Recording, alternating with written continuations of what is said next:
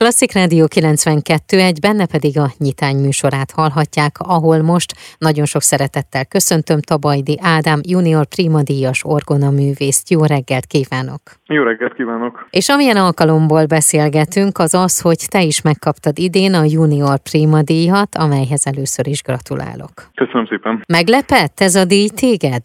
Persze, nyilván nagyon-nagyon örültem, amikor megkaptam az e-mailt, hogy megkaphattam ezt a díjat. Hát azért ez egy óriási megtiszteltetés. Én szerintem a magyar, a fiatal zenész generációnak valamilyen szinten ez az egyik nagyon fontos mérföldköve. Nagyon-nagyon boldog voltam, amikor ez kiderült. Te, mint orgona művész kaptad meg, és egy picit így én bemutatnálak, jó, csak egy néhány mondatot, és aztán beszélgetünk erről, hogy hogy jutottál el ide, és aztán mi lesz a következő lépések, vagy hol a cél, ahova el szeretnél jutni, de nem mindig a cél a lényeg, hanem az az út, amin ugye végig megyünk. Tehát a Párizsi Notre Dame székesegyház organista gyakornokaként és a Szaporói Kitara koncertterem rezidens organistájaként szerzesztél széleskörű nemzetközi tapasztalatokat, amelynek köszönhetően ugye napjainkban egyik legkiemelkedő fiatal magyar orgona művészeként tartanak számon, de hát hallhatott téged már a budapesti közönség is a műpában, vagy esetleg a budavári Mátyás templomban is orgonálni.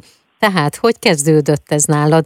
Zongorával, és aztán áttértél az orgonára? Igen, igen, pontosan ez, ebből a szempontból egy ilyen teljesen hagyományos út volt. Viszonylag későn jött az orgona, bár ez mondjuk nagyon gyakran az organistáknál csak 14-15 éves koruk körül kezdődik el, hát már csak abból a prózajukból kifolyólag, hogy sajnos a gyerekeknek egyszerűen nem ér le a lábuk még a, a, az orgona pedálig, és hát egyszerűen nem tudnak még teljes értékűen orgonálni. Egyébként a családunk egy nagyon közeli barátja, dr. Karaszon Dezső orgonaművész, aki a Debreceni főiskolának volt az orgonatanára. Az ő munkássága van abban, hogy én végül is az orgona mellett kötöttem ki. Nagyon-nagyon sokáig viaskodott bennem, hogy most az orgona vagy az ongora, vagy esetleg mindkettő. Ez is egyébként sokáig terít terítéken volt, de hát hamar beláttam, hogy Isten igazából az orgona érdekel, és az az a, az, az a műfaj, ahol én a leginkább otthon érzem magam, azt, azt érzem, hogy igazán fel tudok oldódni, és semmifajta frusztráltság vagy megfelelési kényszer nem hat rám. Rád mennyire jellemző az, hogy a tradicionális darabokat szereted játszani, vagy megvan benned is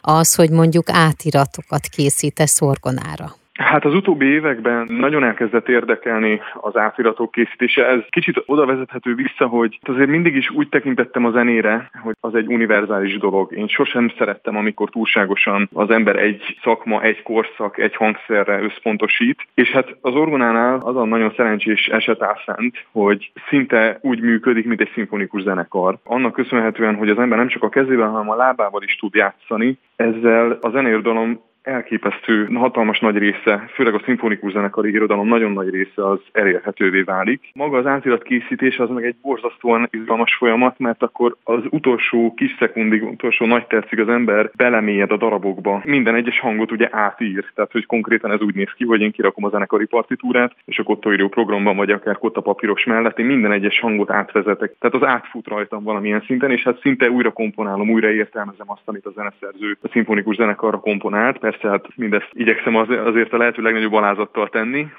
Kanyarodva még így a tradicionális művekre, szeretek nagyon tradicionális darabokat is játszani, mert egyszerűen az a helyzet, hogy ezek a művek, az ezekben rejlő üzenet, az én azt hiszem, hogy kortalan és folyamatosan felfedezésre vár, és minden egyes eljátszással valamilyen új arcát mutatja, és hát ez a legszebb része szerintem a mi szakmánknak, az előadó művészetnek, hogy ezeket újból újra meg lehet találni és meg kell keresni. Van kedvenc orgonád, akár itt Magyarországon, akár külföldön. Mindezt kérdezem azért, mert jó pár orgona művésszel beszélgethettem már, és hát azért mindig kiemelnek egy-két dolgot, hogy ó, igen, az az orgona az azért jó, mert az úgy szól. Abba van valami újdonság, azt ő tervezte, ez ez alapján készült el. Hát ez az, pontosan ebben nagyon-nagyon tudok osztozni a szakmatársaimmal. Az orgonában pont a csodálatos, hogy elképesztően sokszínű. A szószoros értelmében nincs két ugyanolyan orgona, tehát annyira sokban különböznek egymástól, hogy éppen emiatt lehetetlenség lenne egyetlen egy kedvenc hangszer.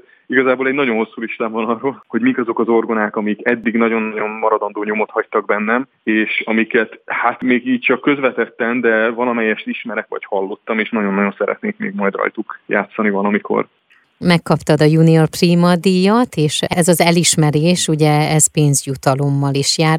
Támogatással jár.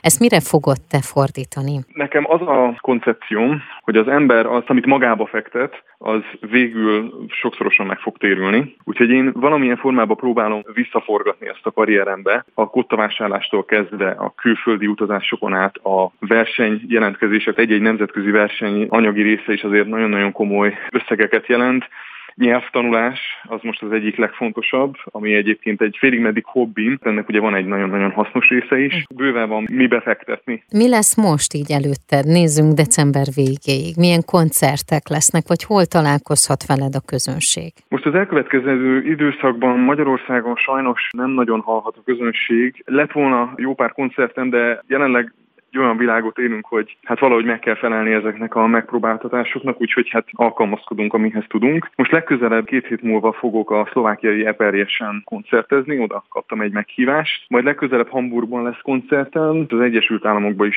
készülök egy, egy három állomásos koncertturnéra. De ha esetleg valaki utána szeretne nézni, akkor meg szerintem akár a hivatalos Facebook oldaladon, akár a weboldaladon ezt megteheti. Természetesen mind a két felületet én igyekszem állandóan állandóan frissen tartani. Én nagyon szépen köszönöm, gratulálok még egyszer a díjhoz, és nagyon-nagyon sok sikert kívánok neked. Köszönöm szépen.